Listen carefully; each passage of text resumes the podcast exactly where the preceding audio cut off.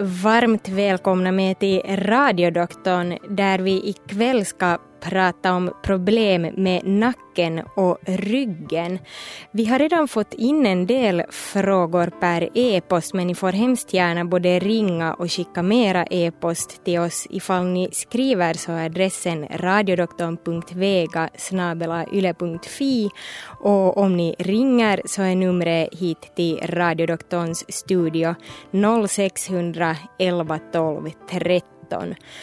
Och ifall ni ringer så svarar Lena Rosenqvist på era samtal före ni kommer in i studion och får prata med vår expertgäst, kvällens radiodoktor, som ikväll faktiskt sitter i en studio i Ekenäs medan jag som sitter här i Helsingfors heter Kira Schröder. Men jag ska nu hälsa vår expertgäst fysiater Tom Kandolin varmt välkommen. Hör du mig Tom där i Ekenäs? Jo då tack. Och god afton åt alla. Fint. Och du Tom är alltså fysiater och när vi förberedde den här sändningen så sa du att det florerar en hel del missuppfattningar och, och nästan myter när det gäller rygg och nackproblem som du gärna skulle vilja diskutera och, och kanske rätta till. Och det kommer vi också att försöka göra under kvällens sändning. Men jag tänkte att du ändå först skulle få börja med att berätta helt enkelt vad en fysiater gör. No, fysiatrin heter ju ursprungligen fullständiga namn är specialiteten. Det är ju alltså frågan om att jag är specialläkare precis som en inre medicinare, kirurg eller, eller psykiater eller så. Mm. Det där specialitetens ursprungliga långa namn var äh, äh, specialläkare i fysikalisk vård och rehabilitering. Det var ett långt namn. Japp. Och det här fokusen i tiderna var faktiskt på fysikalisk vård. Att, då jag studerade på 80-talets slut så läste man mycket våglära och strömlära och sånt. Och vad det skulle inverka på människovävnader och så vidare.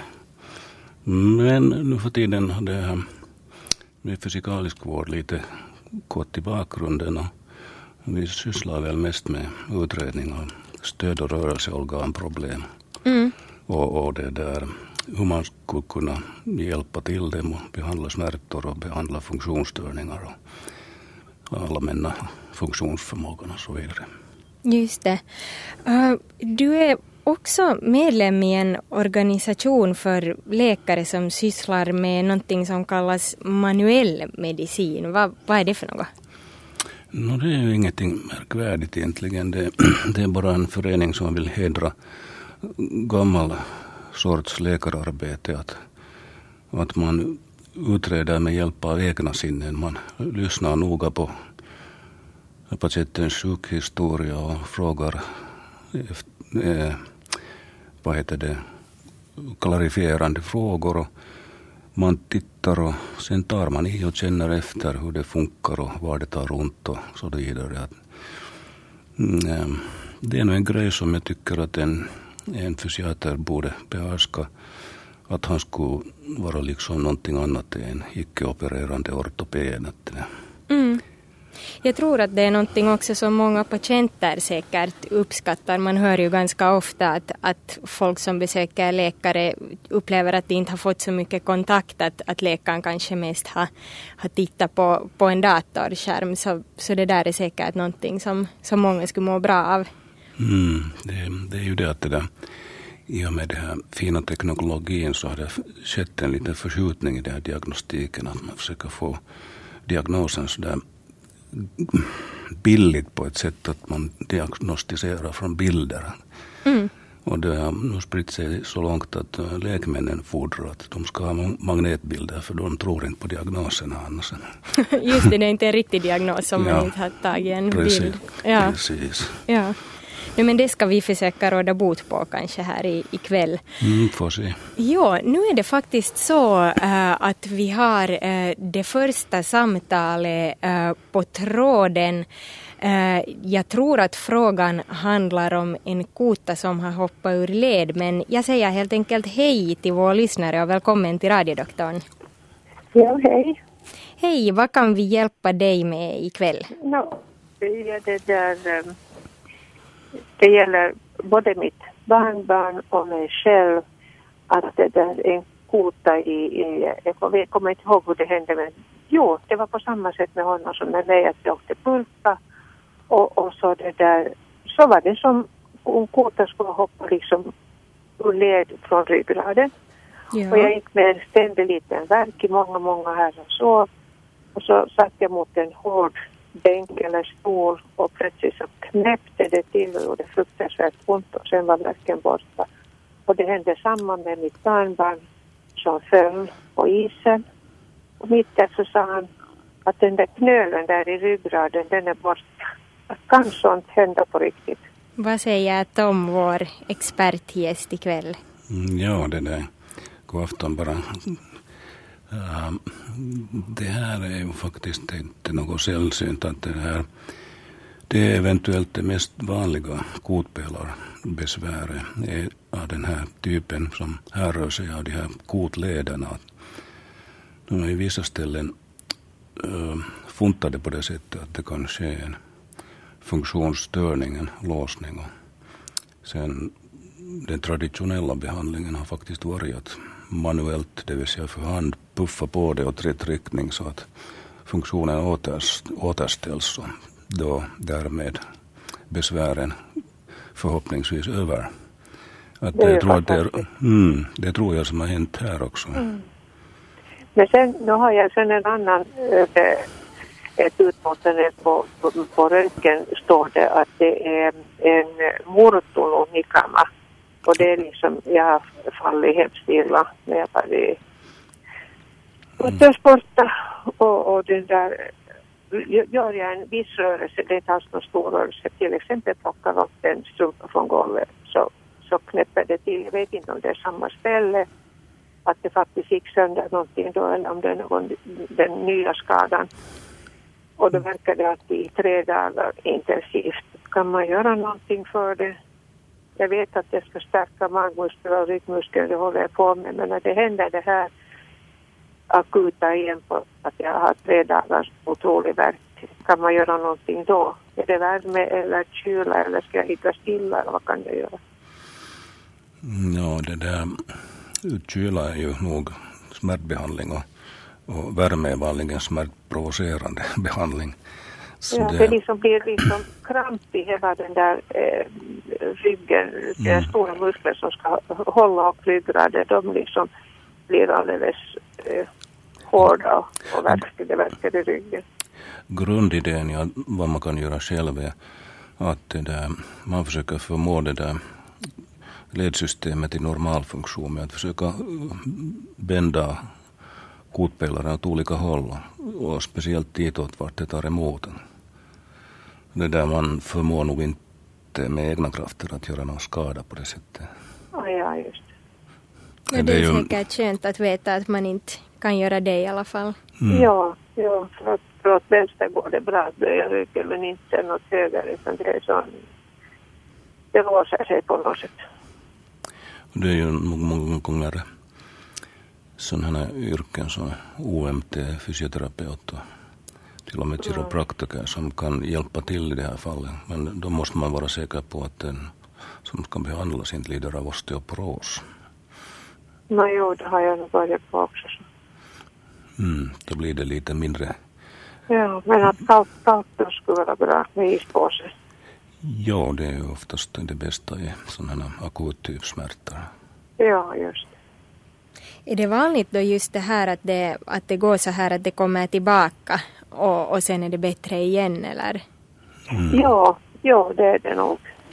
Nu är det ett vanligt förlopp och ryggbesvären tenderar att vara periodvisa eller, eller det där, ha en ökad och minskad intensitet.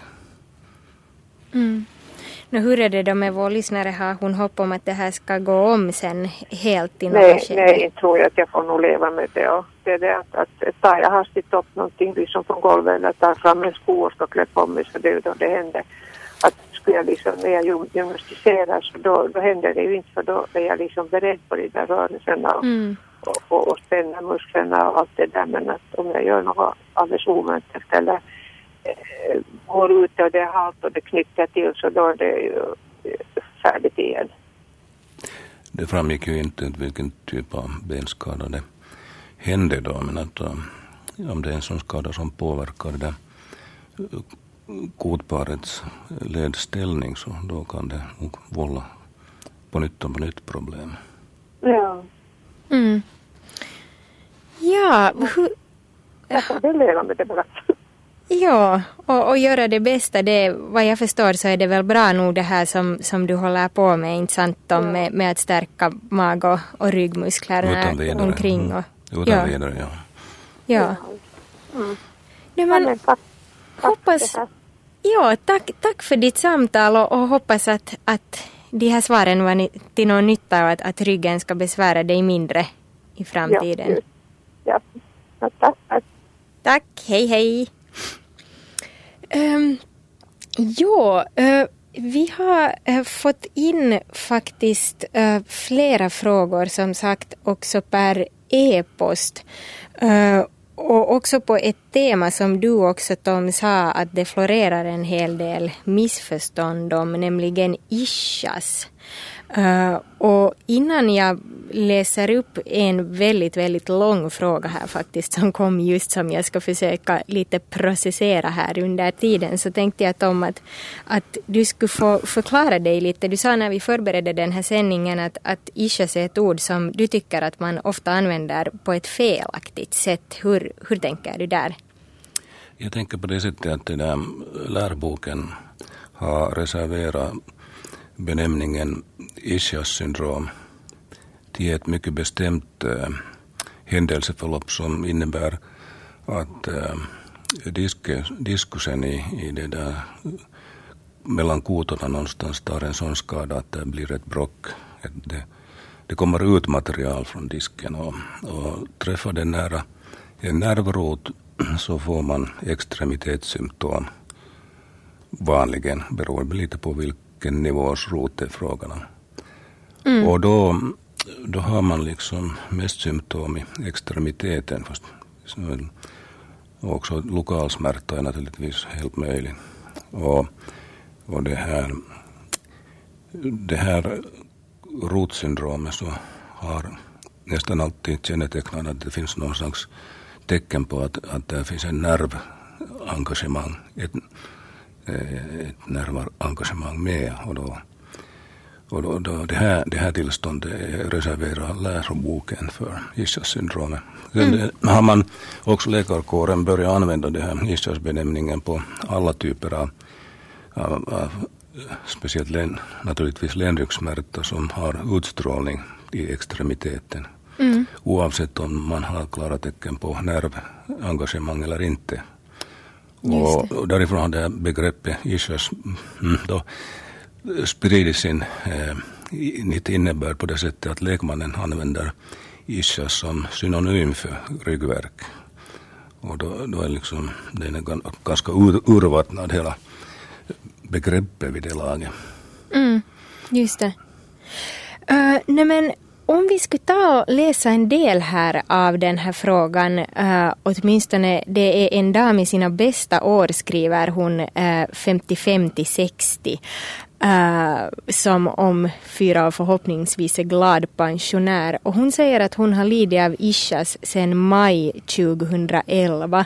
Och hon har haft en ganska lång kamp uh, för att försöka få Uh, behandling. Hon har varit på magnetröntgen i oktober där de hittade en förskjutning i ryggen och diskbrock i tredje kotan av ländryggen, skriver hon.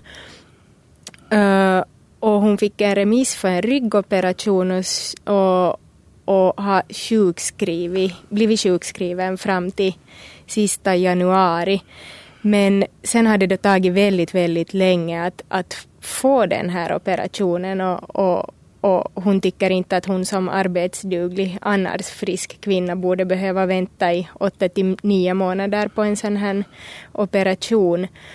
Uh, hon säger att hon inte har värk i ryggen men, men uh, att det drar i höften och verkar och går vidare till lår, knä och ben och att det känns som att det rinner kallt vatten ner för benet. Och det här benet håller inte heller att stå på, det är då hennes vänstra ben. Och hon skriver att särskilt små rörelser när hon lagar mat, städar, hänger tvätt eller går i butiken är väldigt jobbiga. Uh, och nu undrar hon att är det faktiskt så att det inte finns någon annan hjälp för Ishas än en operation. Hon har också gått på någon sorts rehabilitering med fysioterapi och, fysioterapi och vattengymnastik en gång i veckan uh, på egen bekostnad. Men om vi tar den här första frågan, finns det någon, någon annan bot för det här än en operation? Ja, det, det andra botet är att vänta att naturens egna processer så sköter saken. Mm. Och det här, I ett äkta diskbråck så gör den det ganska effektivt. Men att åtta, nio månader börjar vara så pass lång tid att, att det, där, det tyder på att naturen inte tänker råda bot på det här. Just det. Nå, sen frågar hon vidare att kan en naprapat eller kiropraktiker göra någonting eller skulle möjligtvis akupunktur kunna hjälpa? No, nu kommer vi igen på den här frågan om ischias och vad innebörden egentligen är i det här fallet. Att det, där, det att det rinner kallt längs benet så det har en viss, en viss ledtråd om att det kan vara nervengagemang. Naturligtvis mm. att det finns en diskprolaps är ett annat ledtråd att det kan vara den typ av problem och symptom i benet. Då, det traditionella inom, inom det där fysiotrin har ju varit att ge sträckning för ländryggen men att det där, apparaterna är antika och har försvunnit. Att det där, eh, fysioterapeuterna undervisar patienten vanligen i sådana egna manövrer att få åtminstone en stundens lättnad med att sträcka ländryggen. Mm. Mm. Um, sen ska vi se. Um, sen har hon då läst här en del om, om, om hur, hur det kan vara sen efter att hon har, har möjligtvis då blivit opererad. Och, och hon har läst att, att det kan förekomma ryggsmärtor och värk och känslolöshet ännu väldigt länge och att de kan bli bestående. Och, och, så undrar hon att vad ska hon göra om, om de här smärtorna ännu är kvar sen efter en operation. Mm. Det är ju på det sättet att det är den opererande ortopeden som bestämmer över det där ingreppet. Och, och han ser på situationen, situationen på det sättet att han måste se från bilderna att det är någonting att rätta till eller ta bort för att göra operationsbeslut. Mm. Nu, mm, jag märkte inte riktigt om, om hon har blivit värderad av ortoped en gång för att det där det här, det har, hon har satt sig i operationskön så det skulle tyda på att en ortoped har värderat läge antingen via pappren enbart. Jo, jag tror det. Ja. ja, att ja. Det på det sättet är det mer sannolikt att hon faktiskt blir opererad. Precis. Ja. Uh, no, sen undrar hon hon säger att den här röntgen då som, som har gjorts visar en framåt, på framåtböjningen 5 mm förskjutning och på bakåtböjningen 6 mm förskjutning. Hon undrar hur en sån här förskjutning uppstår. Att kan det ha varit för att man har fallit på ryggen eller lyft för tungt eller kan det uppstå efter en förlossning eller vara medfödd? No, det här är ju ett vanligt fenomen på det sättet att, att det här, vi får nog alla över 50-åringar, om inte vi är hemskt småväxta så får vi nog diskusnerering i ländryggen vid fjärde eller femte kotan, det vill säga två, två nedersta, klarar inte sig i prima skick hela vårt långa liv nu för tiden. Mm. Och det där, om anatomin annars är tillåter så så det där då en disk degenereras så har den tappat sin spänsten, sin rigiditet och, och då tillåter den övre kotan att, att uh, förskjuta sig lite framåt då den har blivit mjuk. Och sen när man rätar på sig så far den tillbaks eller till och med lite bakåt. Mm. Och det här är ju påfrestande för bindvävnaden som försöker hålla kontroll på det här eh, det här situationen. Det, kan leda till smärttillstånd av, av det där ledbandsuttöjning och eller musklerna, de djupa musklerna kan bli så trötta att de gör sig själva verkar. Att, att det där, sådana saker är rätt allmänna. Just det. Nu har vi en lyssnare som inte är med på telefonen men som ringde in faktiskt med ett tips för, för hur den här lyssnaren då hade botat, eller blivit botad eh, med sin ishas eh, vetohoito på finska som den här lyssnaren beskriver som att, att äh, han eller hon blev lagd på en bänk, bänk med tyngder på bröst och höfter och sen ja, det är en hon visst. Och sen, sen så drog då någon i henne och det hjälpte. Va, vad säger du om det här? Ja, jo, det är väldigt traditionell behandlingsform. Att det där, mm, människokraften räcker nog till om man har rätta tekniken just som beskriver att övre kroppen är fastlagt med remmar eller sånt och, och den terapeuten drar via lårbenen. Ja, människokrafterna räcker nog till för att den kör en uttöjning. I bästa fall kan det hända någonting som som lättar nervroten dramatiskt. Just det. Nej, men här har det ju varit jättetur då om, det, om man inte behöver operation och, och en massa sånt utan det räcker med det. Just det, ja. Ja. Mm, sen äh, äh, har vi ähm, en, en eh, Eh, fråga också som har kommit in per telefon uh, av en 89-årig dam som skottade snö här för fem dagar sedan. Det är jättefint tycker jag att en 89-åring ork överhuvudtaget orkar vara ute och skotta snö. Uh, men uh, hon fick då sen styv nacke och svåra balansstörningar. Uh, och hon undrar nu att vad kan hon göra när någonting sånt här händer och, och hur, hur ska hon kunna undvika styvnacke? Ja, det här, de här två symptomen som man kan inte riktigt lista ut om det ens kan klassas inom fysiatrinområdet eller om man måste anlita en neuro, neurolog istället. Det där, båda delar är möjliga men att det där, eh, den fysiatriska förklaringen eller orsaken kan uppstå på det sättet att det var mycket kraftigt fysiskt arbete med då spända axlar och då är nackmusklerna spända. Och, och på det sättet kan det ske en, en funktionsstörning som ger lindriga YC-symptom. Mm. Sen YC-symptomen är inte lindriga om hela världen går runt att då börjar det, det ofta neurologiska saker och det behövs en sån specialistundersökning igen i sådana fall. Just det. Men är det så att hon kanske ändå borde, borde undersöka det här eller?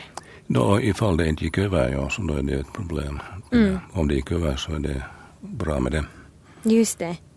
Nu men hoppas att vår 89-åriga snöskottare fick, fick tips här och, och, vi kan ju nästan för hennes skull hoppas att det inte kommer så hemskt mycket mera snö här i alla fall de närmaste dagarna.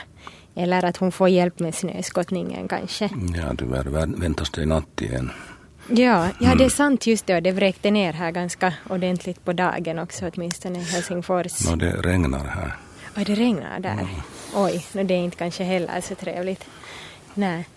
Um, uh, Nå no, ja, vi skulle kunna gå vidare här uh, med uh, en, en annan av, av de problemområdena eh, som du nämnde när vi planerade den här sändningen, nämligen du sa att, att folk ofta har svårt att skilja mellan muskel och ledbesvär när, när man har smärtor i, i ryggen. Va, vad är problemet där? No, folk kan ju inte veta det där, inte ens läkarna med säkerhet om inte man har det där färdigheterna att känna efter just hur det funkar och var det smärtar och så vidare.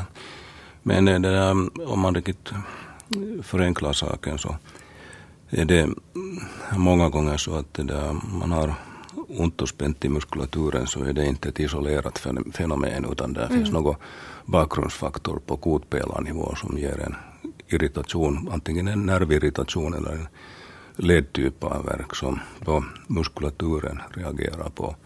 med sina automatismer. Och då, då det där, om man behandlar bara muskulaturen så brukar effekten bli rätt kortvarig. Ja. Det, det är det jag menar med det där. Att det där att, att, vi kunde kalla dem paradigmer, vårdlärare och sådär. Att de, de vårdteorierna lärarna som tar i beaktande de här kotpelarsymptomen och ledproblematiken så det liksom kan ha mera framgångsrika terapiformer. Mm.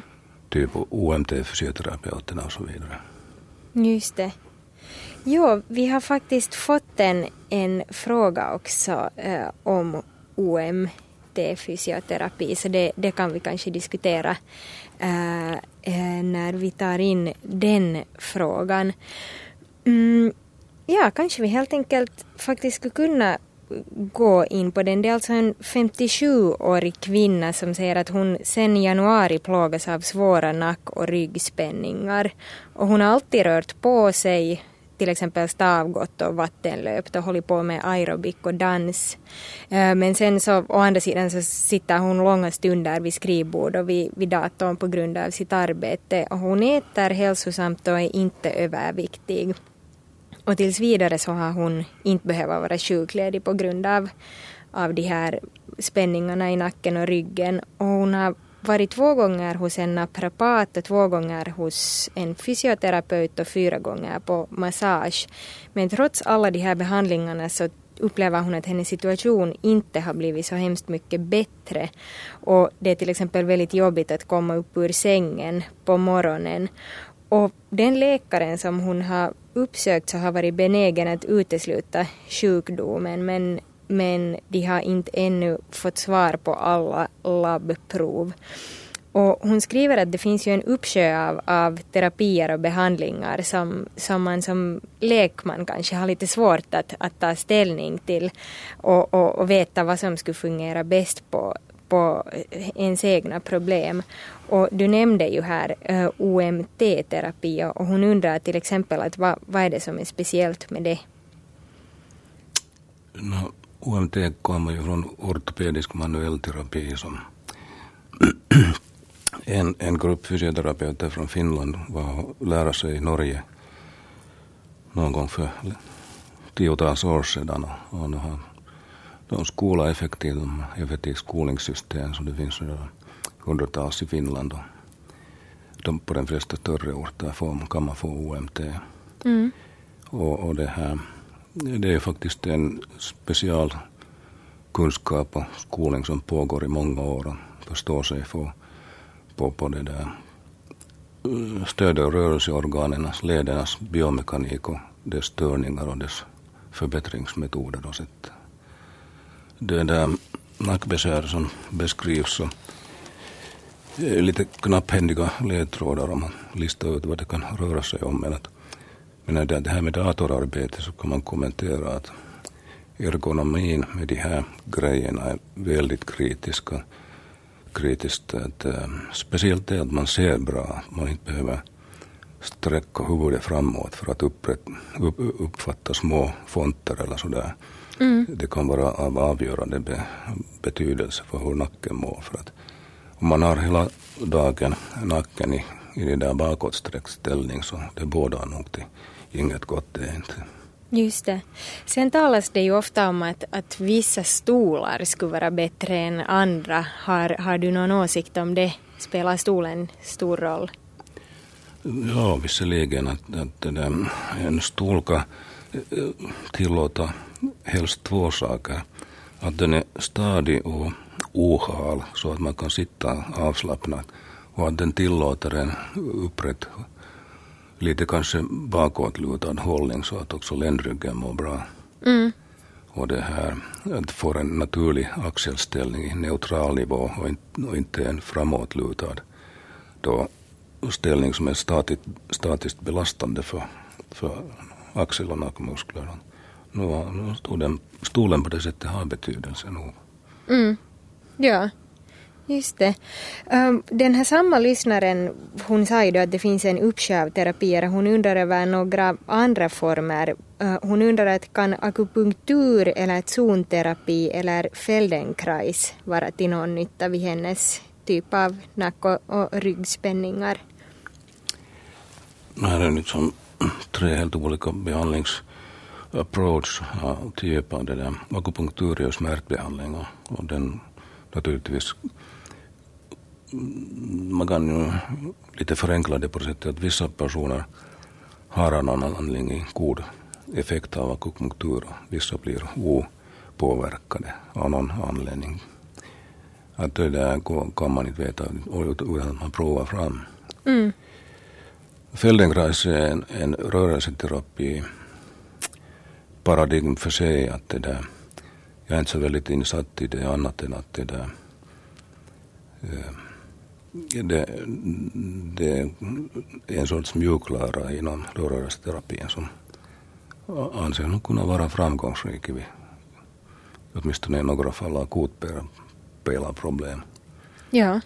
Och den inskränker sig inte bara till det här utan den en lära som inskränker sig på många andra problemområden inom medicin, neurologi och sådär. Just det. Du sa här att akupunktur handlar om smärtlindring. Sen undrar samma lyssnare att vad är det skillnaden på akupunktur och akupressur? Är det mm. någon skillnad där? No, jo, det är ju det att i akupunktur så punkterar man och i akupress så pressar man bara på de här punkterna med något finger eller annat föremål. Just det. Inte desto mer skillnad är det inte. Ja. No, sen undrar hon ännu om, om dieten inverkar på något sätt på, på ens muskler och, och hur de mår och kanske i förlängningen också på sen här spänningstillstånd. Det är ett föremål för ett veckors symposium. Att det är svårt att fatta sig kort men att ja. Jo, det kan ha alla möjliga, speciellt bristtillstånd. B-vitaminbrist, magnesiumbrist och allt sånt där. Så känns nog av förr eller senare i muskulaturen. Och det där. Men om man nu äter mångsidig kost och rikligt så kan, kan det nog sägas att för musklernas andel så hålls situationen i balans. Ja, just det. Uh, sen undrar hon om du har några allmänna goda råd för hur hon ska gå tillväga framöver. Hon hade alltså svåra nack och ryggspänningar som hon tror att beror på det, det att hon måste sitta mycket vid datorn. Ja, vilken terapiform? Mm. Mm. No, jag skickar ju i regel mina patienter eller klienter om man vill tala om så att besöka OM-terapeuter. Mm. Jag har här båda mina verksamhetsorter så duktiga terapeuter som gör det trevligt att arbeta då människorna blir skick. Ja. Ja. Nå, har du några andra råd förutom vilka, vilka terapier hon ska söka till, vad hon kan göra sådär på egen hand? Du sa ju lite här nog i början med det här med att fundera på ergonomin. Ja, det är viktigt och det finns inte egentligen någon brevkurs man kan skicka, anser jag, utan jag, jag kan ju här i det här sammanhanget nämna den rehabiliteringsmetod som vi använder på mitt huvudarbete för människor med nackbesvär. Den är inte så här gammal heller, men den är en inhemsk innovation som det kan vi vara stolta över som finländare. Mm. Och det var fysiater Jari Ylinen i Jyväskylä som publicerade en disputation 2003 med en så effektiv behandlingsmetod att han fick den publicerad i Amerikas största läkartidning JAMA No, den har nog inte spridit på sig ens i Finland värst mycket men jag tycker det är en storartad metod för att om, om den där trä, träningsterapin lyckas enligt metoden och människan kan fortsätta med det så blir de som har den här funktionsstörningen som i de här ledsystemen, de blir nog avhjälpta av, av det där friska. Just det. Det låter ju bra. Men den är, den är så pass knepig att den måste gå tekniskt rätt så därför måste man ha personal training. Det går inte att skicka rörelsebilder Just det. per brev. Ja, ja. Nej, det är väl nog säkert viktigt i, i många sådana fall att man har någon som, som vet vad den håller på med, som ger rätt instruktioner så att man inte i misstag gör, förvärrar. Ja, det definitivt, ja. Ja. Nu ska vi se, har vi en lyssnare med oss på tråden igen per telefon? Jag tror att vi borde ha eh, Thomas från Pargas som, som har en fråga. Hej och välkommen till radiodoktorn. Ja, hej, hej, ja. Hej, vad Hej. kan vi hjälpa dig med? Jo, jag, i förra sommaren kanske jag tagit i lite för hårt. Jag håller på att bygga och, och troligtvis då fick diskbrock. Och nu, nu det där som jag fick höra nyss att, att naturen kan kanske leka också en del av de här sakerna så har jag ju gått och hoppats på men, men tyvärr så med mig visar det nog att det blir bara värre och värre. Oj. Jag, har, jag fick då senare på när jag klagade på den här verken hos, hos, hos min läkare där på hälsostationen så gav han något ett- eller Ebixa eller vad det heter, den här medicinen som man tar då en gång i dygnet på kvällen. Och den har nog räckt till sen då. Jag har ju haft också pauser, inte för det. Jag har haft långa pauser, kanske på någon månad emellan. Jag har inte tagit den Ebixa men, men sen kommer det och är etter värre. Och nu räcker inte faktiskt en, en i dygnet. Nu måste jag nog ta en också på förmiddagen för att, för att kunna... Ja, men jag, det, det, det är alldeles fruktansvärt. Men eh, det är konstigt också det där att vi går ut på kvällarna på vår runda med hundar och katter här och promenerar och, och mm, då är det liksom grymt hemskt i början. En, en kilometer ungefär. Och sen, sen lättar den här smärtan. Sen, sen kan jag gå relativt normalt. Och um, en sak till som jag kanske skulle nämna att jag hade nog säkert någonting av den här eh, tidigare i mitt liv. Nu är jag 63 och jag hade säkert någonting av det här tidigare, kanske omkring 30-åring, 35-åring. Eh, då, då fick jag ett sånt råd att, att försöka skaffa en sån säng som liksom har, när man ligger på rygg så drar det ut den, alltså det har en buckla uppåt så att säga att en, en, en, den- den görs efter ryggens form och sen, sen det här när man sover så då blir man längre och drar den ut och drar de här från varandra. Jag tänkte om man kanske borde återinföra den sängen, det finns den botten, finns nog kvar den. så jag kunde faktiskt kanske börja använda den. Jag, jag är lite ställd med det här, jag vet inte vad jag borde göra för att av med det här. Det här, det här blir ju inget arbete, man kan inte göra något riktigt arbete när man inte kan ta i någonting. Man vågar ju inte liksom göra det. Och ett par gånger har den här smärtan slängt mig omkull helt, helt bara, jag har bara direkt måste falla omkull för att få bort trycket från ryggen. Och på morgnarna är det ju någorlunda bra för då har jag inte haft tryck på ryggen. På dagarna eller liksom under natten. Och sen det här med stol har jag sett, det var snack om det nyss. Och, och sen sadelstol, det är nog räddningen när man måste sitta och jobba i kontoret. Den, den hjälper mig väldigt mycket. Mm. Vad säger du Tom, det är ju ganska länge sedan om det var på sommaren det här. Jag skulle vilja ställa några frågor.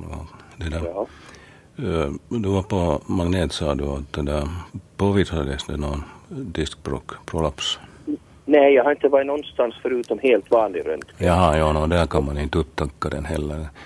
Aj, Hur är det, äh, hurdana symptom har du i benet, i, nedre extremiteten? Det strålar ner liksom så att jag känner då, uh, nu igår var det väldigt kraftig strålning här på vänster sida. Då, På vilket, liksom, på vilket ställe? och, eh, man ska, ja, eh, lårmuskeln kan man säga. Ja, något lägre ner än det.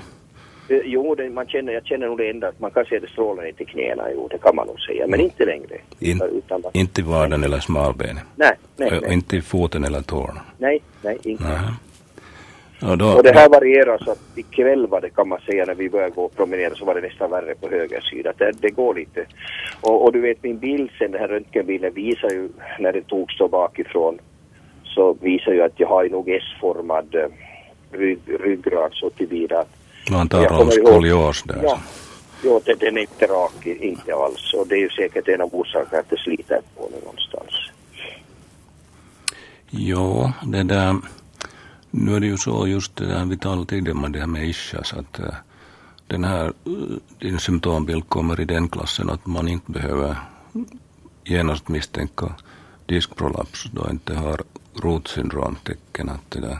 Ja, och och också det att, att den är ställningsberoende och beroende på vad du gör, att du inte har nattsymptom och så vidare, så skulle betyda att det är något mer funktionellt problem som, som alstrar smärta Och det, det skulle f, f, kunna definieras bättre om man gjorde en grundligare eh, påtitt och analys om hur din rygg funkar och var det tar ont och så vidare. Just det, just det. Så att, så att eh, du kanske tycker att det nästa steg borde vara då en magnetröntgen så att man skulle få se verkligheten här? Nej, jag är ju inte riktigt på de linjerna för att ursprungligen var det ju meningen att man skulle använda den här fina teknologin i sådana fall där man börjar misstänka att, att det är ett tillstånd som behöver operativ behandling. Just det. Att, att, att det där, nu har du nog inte sådana ledtrådar och symptom som, som skulle leda en ortoped till operationsbeslut. Ja, just det. Just det.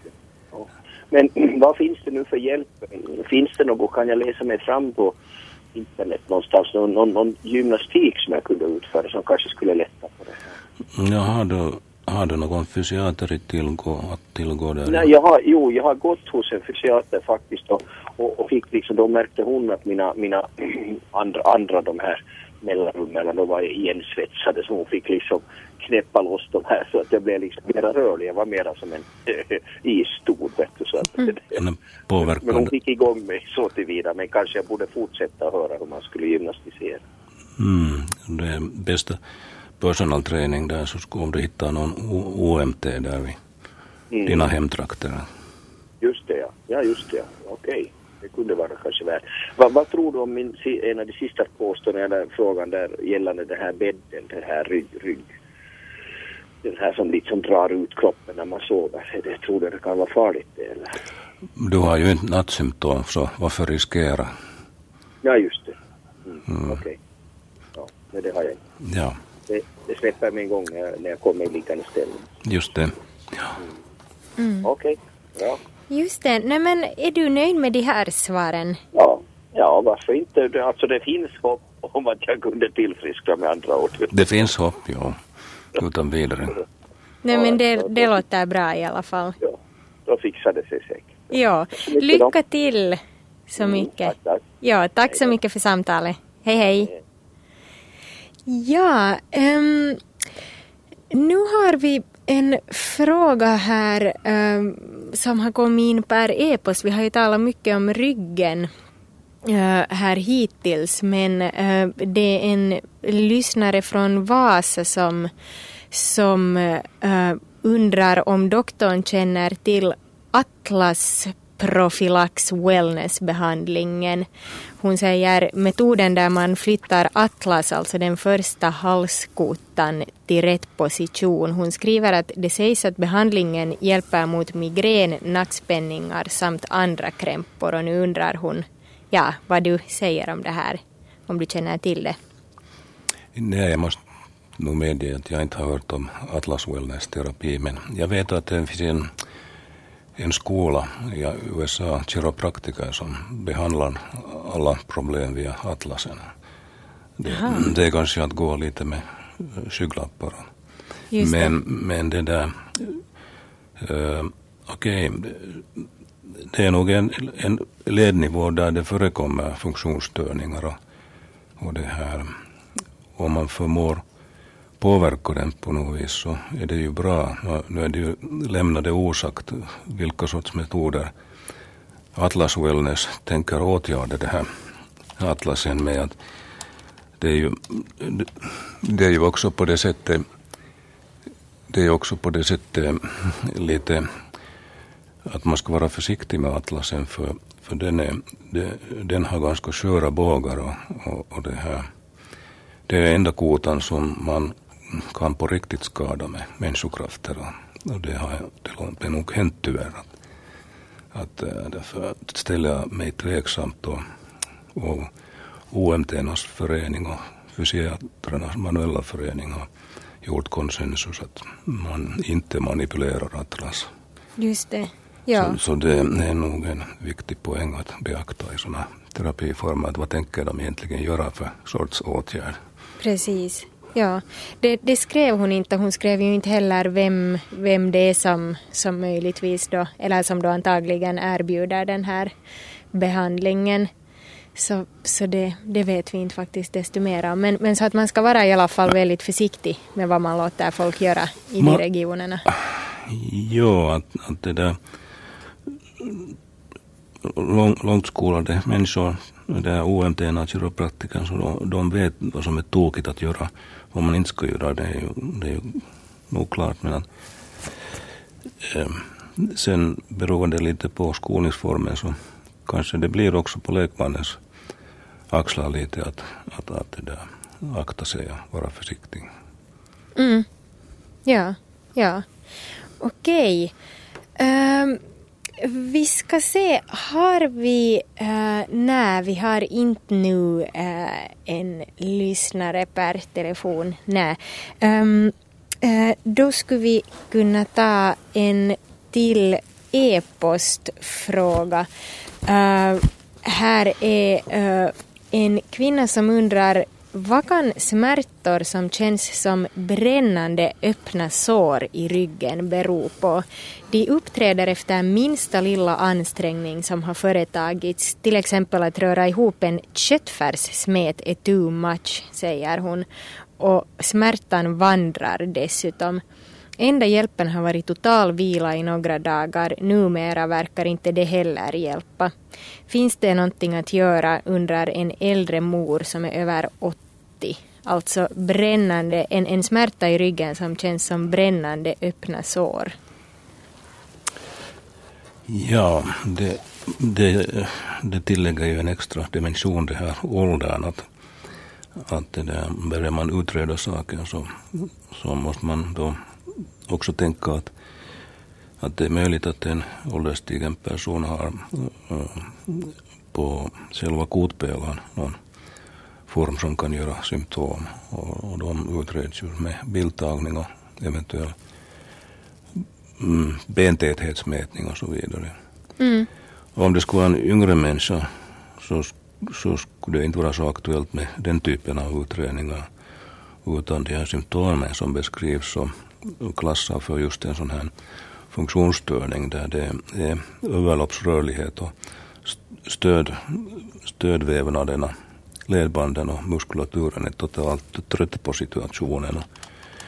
Då sker det, en, det är ett fenomen som man kallar sensitisering. Att, att det här, de här smärt, smärtbanorna då de är hela tiden så att säga uppe, aktiva, så börjar det ledas smärtkänningar allt mer effektivt och, och, och det där, våra smärtcentra börjar ta emot det här allt mer effektivt. Och till slut blir det just så där oproportionellt att man inte kan väva ihop en köttfärs. Oh, Då har det ja. skett en ordentlig sensitisering och, och där är någonting som ger lokala smärtimpulser kontinuerligt. Att det där, desto mer utan att lägga handen på ryggen så kommer jag inte här problemet tyvärr. Mm. Ja, ja. Men ja, det låter ju inte så bra att det, det blir en sån här så att säga ond spiral No, det är inte alls bra. Det är mycket otrevligt för den som hamnar att lida. Ja, vad skulle du rekommendera?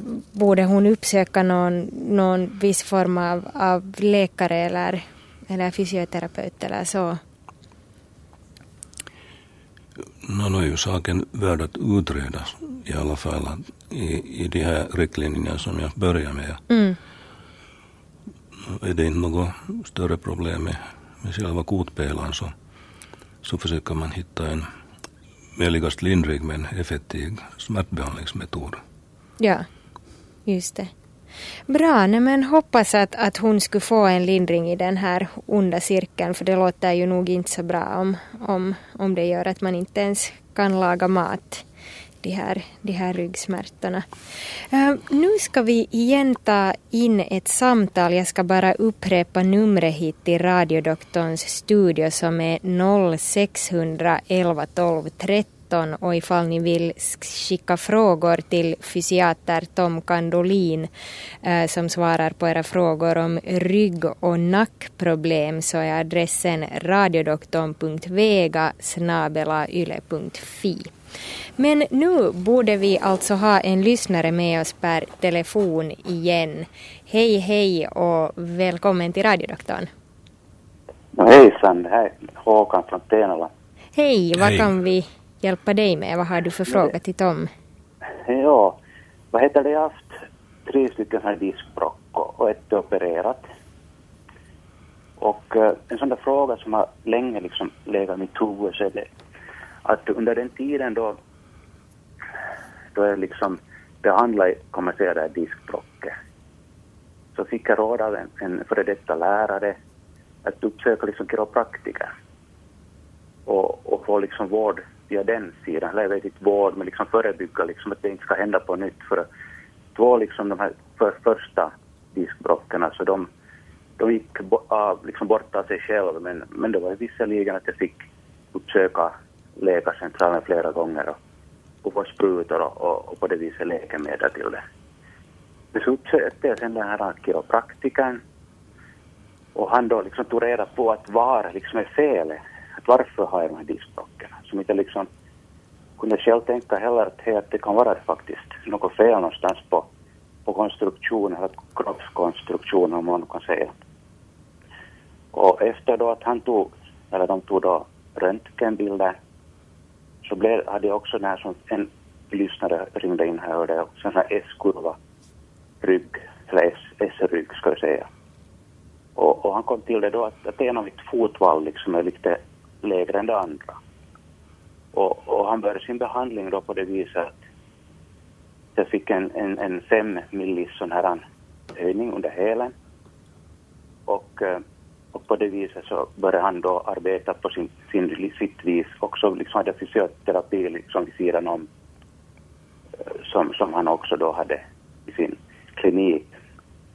Och, men den där frågan sen så, i ett skede så hamnade jag också då till en ortoped i, i vad heter det, Röda Korset i Helsingfors. Och när jag kom till honom så var den här frågan liksom då att, att eller jag liksom berättade att jag också uppsökte en, en kiropraktiker, att jag hade fem miljoner under hälen. Att, men så började han liksom så på mig och fundera att du ska inte göra det till invalid. Så nu är liksom frågan här då att, att vad, den ställning ska man ta. Alltså den här operationen jag gjorde var för nio år sedan. Och, och efter det så har jag uppsökt den här kiropraktorn. Jag tog det beslutet att jag uppsökte honom för han, hans liksom grej så den, den gjorde liksom att jag fick ryggen på något vis i skick. Att, att där är den just att, att det är det ortopeden eller det är den kiropraktiker. Jag har förstått att kiropraktik så är det liksom det där godkända uh, vad ska man säga, godkända grejen liksom ännu i Finland inte. No nu tycker jag att den är godkännbar eftersom det är legitimerad skolning ja. på det sättet eh, standardläror som vet hur man gör och hur man inte gör. Ja. Jag har nog på det sättet en viss tillit till det.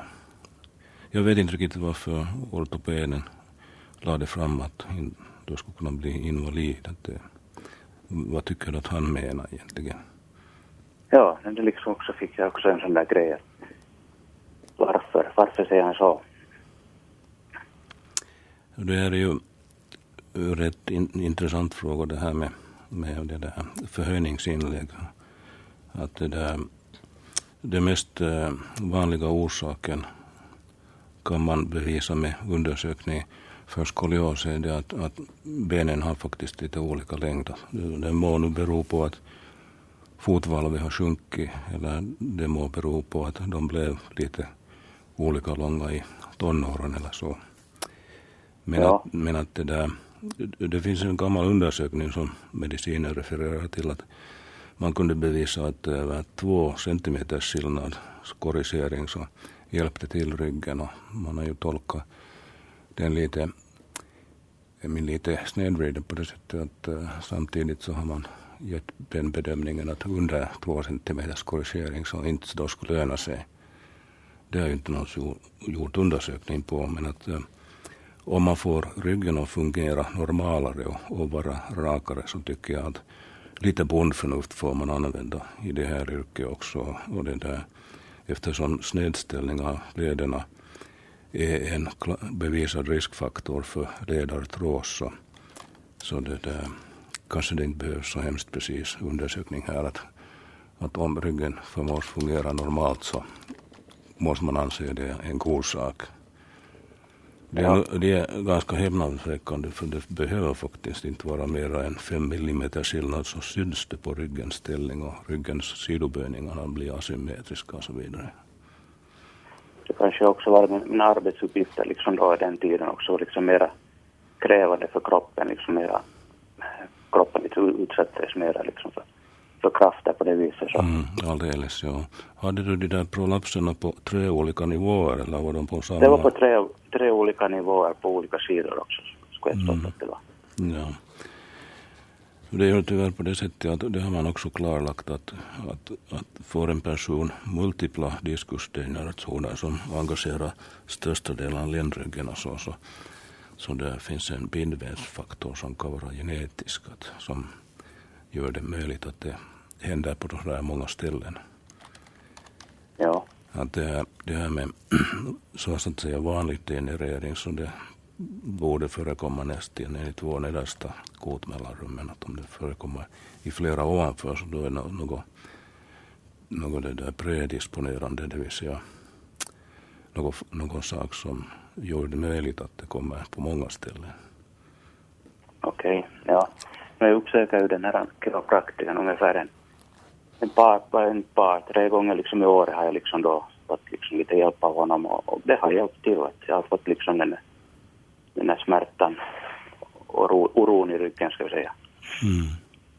Att, att jag är liksom på rätt väg då kan jag, att jag kan lugnt fortsätta gå.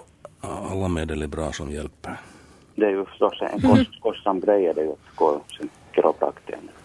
Mm, jo, det är, det är en viss penningförlust där nog. Mm. Ja. Ja. Det, no, men det, då är det nu att jag, jag är på rätt väg. Ja, men det är ju ja. bra om du, ja, du, du vågar i alla fall fortsätta vad du har märkt att, att fungerar. Så. Ja, ja, ja. det gör det. Fint. Mm. Tack för det här samtalet. Ja, tack. Tack, hej hej.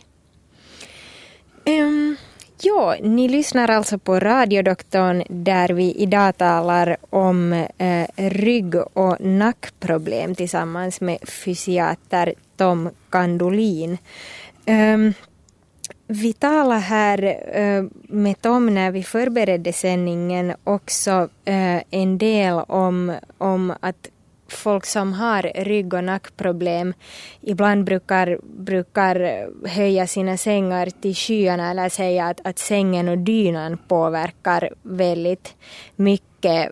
Uh, vi, vi har uh, fått in här en, en kommentar om en, en lyssnare som, som vill berätta om sin dyna med nackstöd.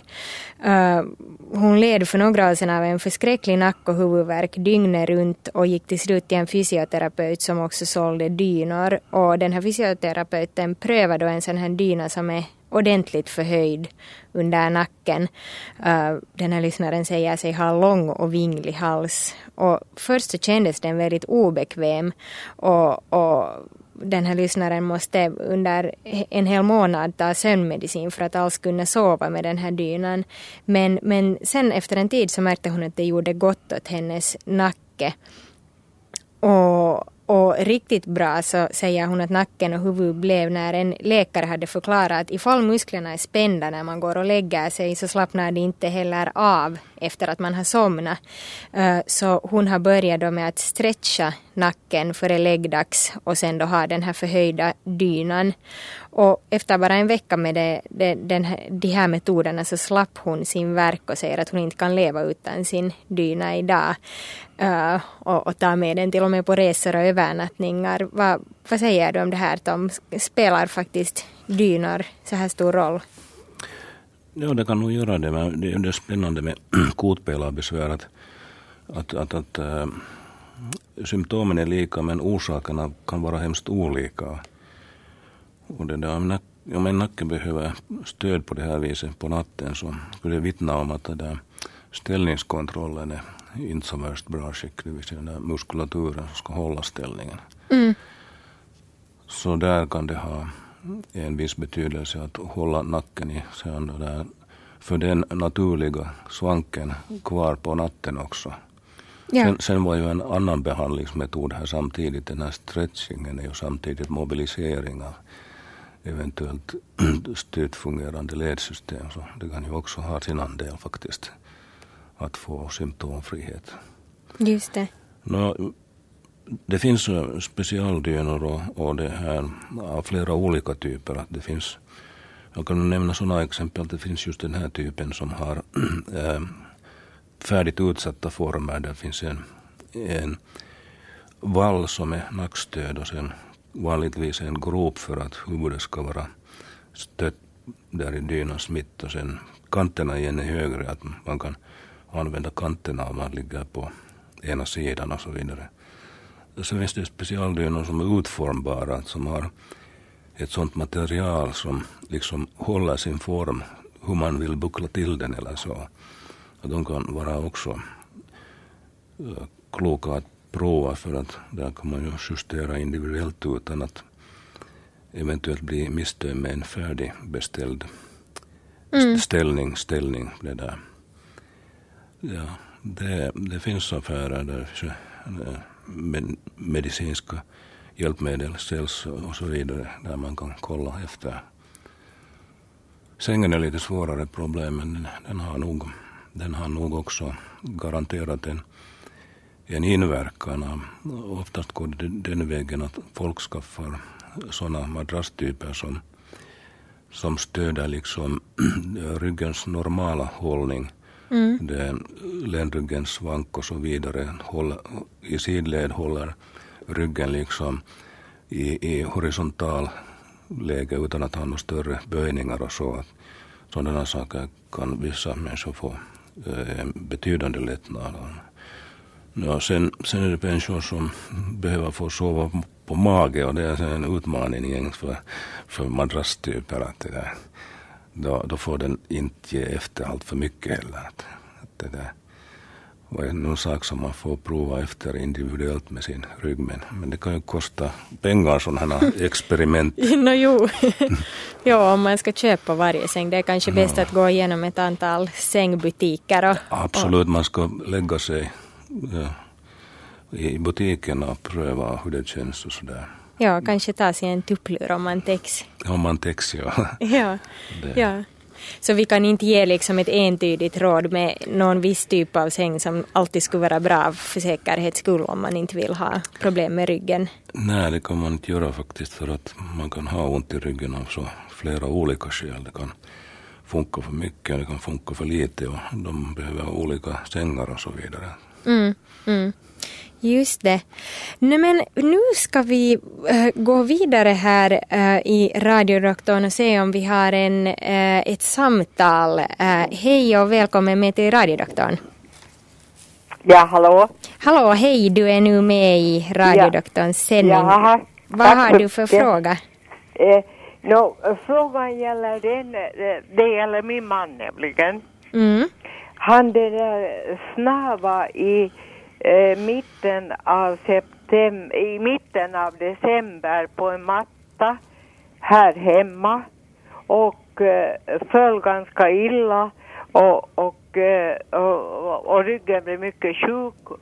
Och vi for och röntgade den där ryggen och vi röntgade den två gånger. Vi bor i Sibbo och vi röntgade den en gång i Nickby och så var vi ju Borgå och och han har tagit alla andra prov och han har inga andra sjukdomar. Men, men nu har de kommit underfund med att det är den eh, eh nionde eh, eh, kotan eh, som, eh, det är en spricka i den nionde kotan. Mm. i ryggen. Och han har nu ätit Panadol, Forte, alla möjliga verkmedel men det hjälper ingenting. Och det sticker emellan till i ryggen som man skulle sticka med knivar. Och emellan kan det vara ganska bra.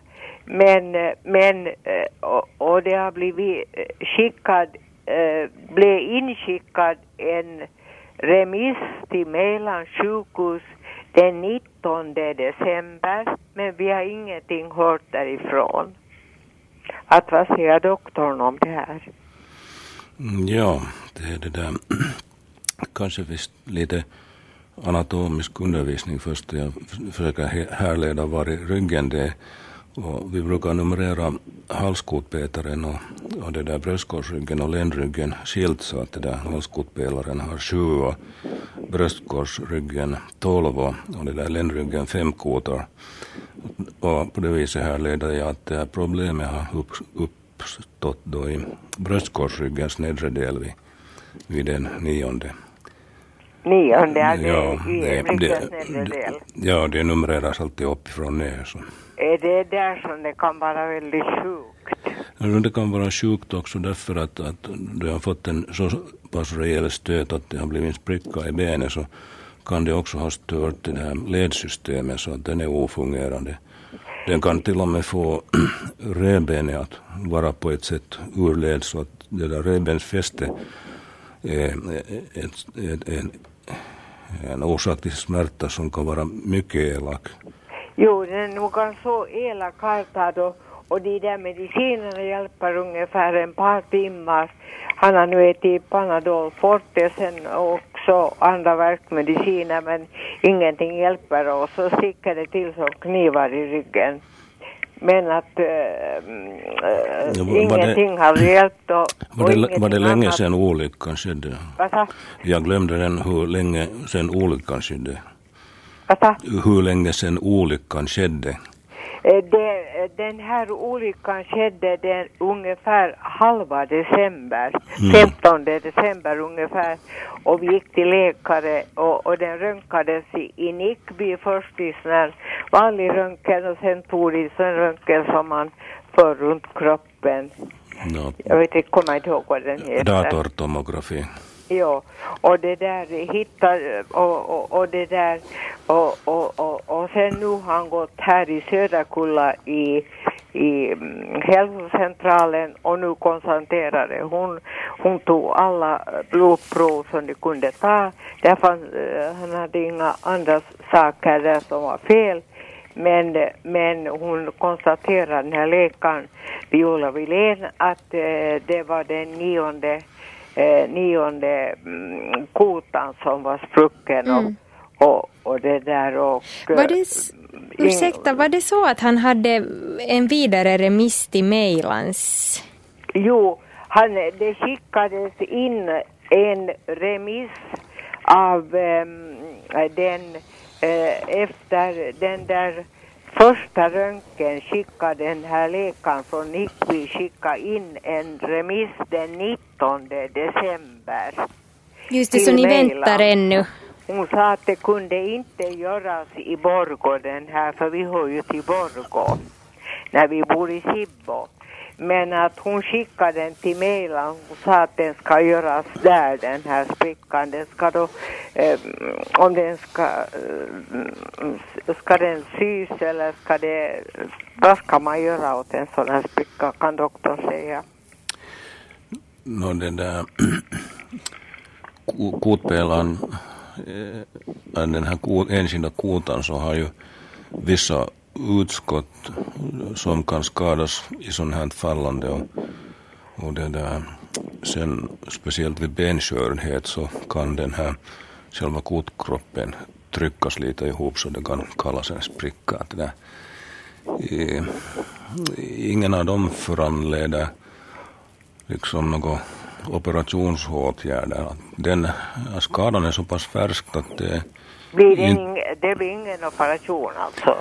Jag skulle vara förvånad nog om, om det skulle behöva operativa åtgärder. Aha. Men de talar om något, något, att de skulle binda ihop den på något vis. Mm, då, då kan det ju vara att, att det där att det här är någonting helt annat än jag hade eh, framför Kan det vara eh, någonting annat i, i kroppen än den här sprickan som gör den här saken? Mm, Ja, som jag sa, no, Ja, en, en sån kraftig stöt som ger benskada så kan också störa ledfunktionen som kan vara smärtsamt för den skull. Men att det där, den är så pass färsk den här benskadan så inga terapiformer kommer upp i fråga på många han, månader. han har ju, eh, kan det höra ihop med det här att han har haft mm, eh, en artros i, eh, i foten? Att för många år sedan gick eh, foten, eh, han föll och, och foten gick av.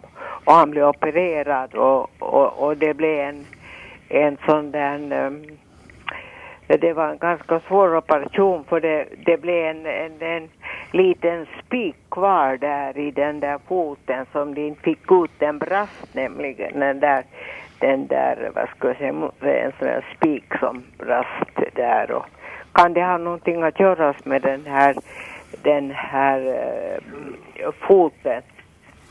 Den där skruven brast i, i foten.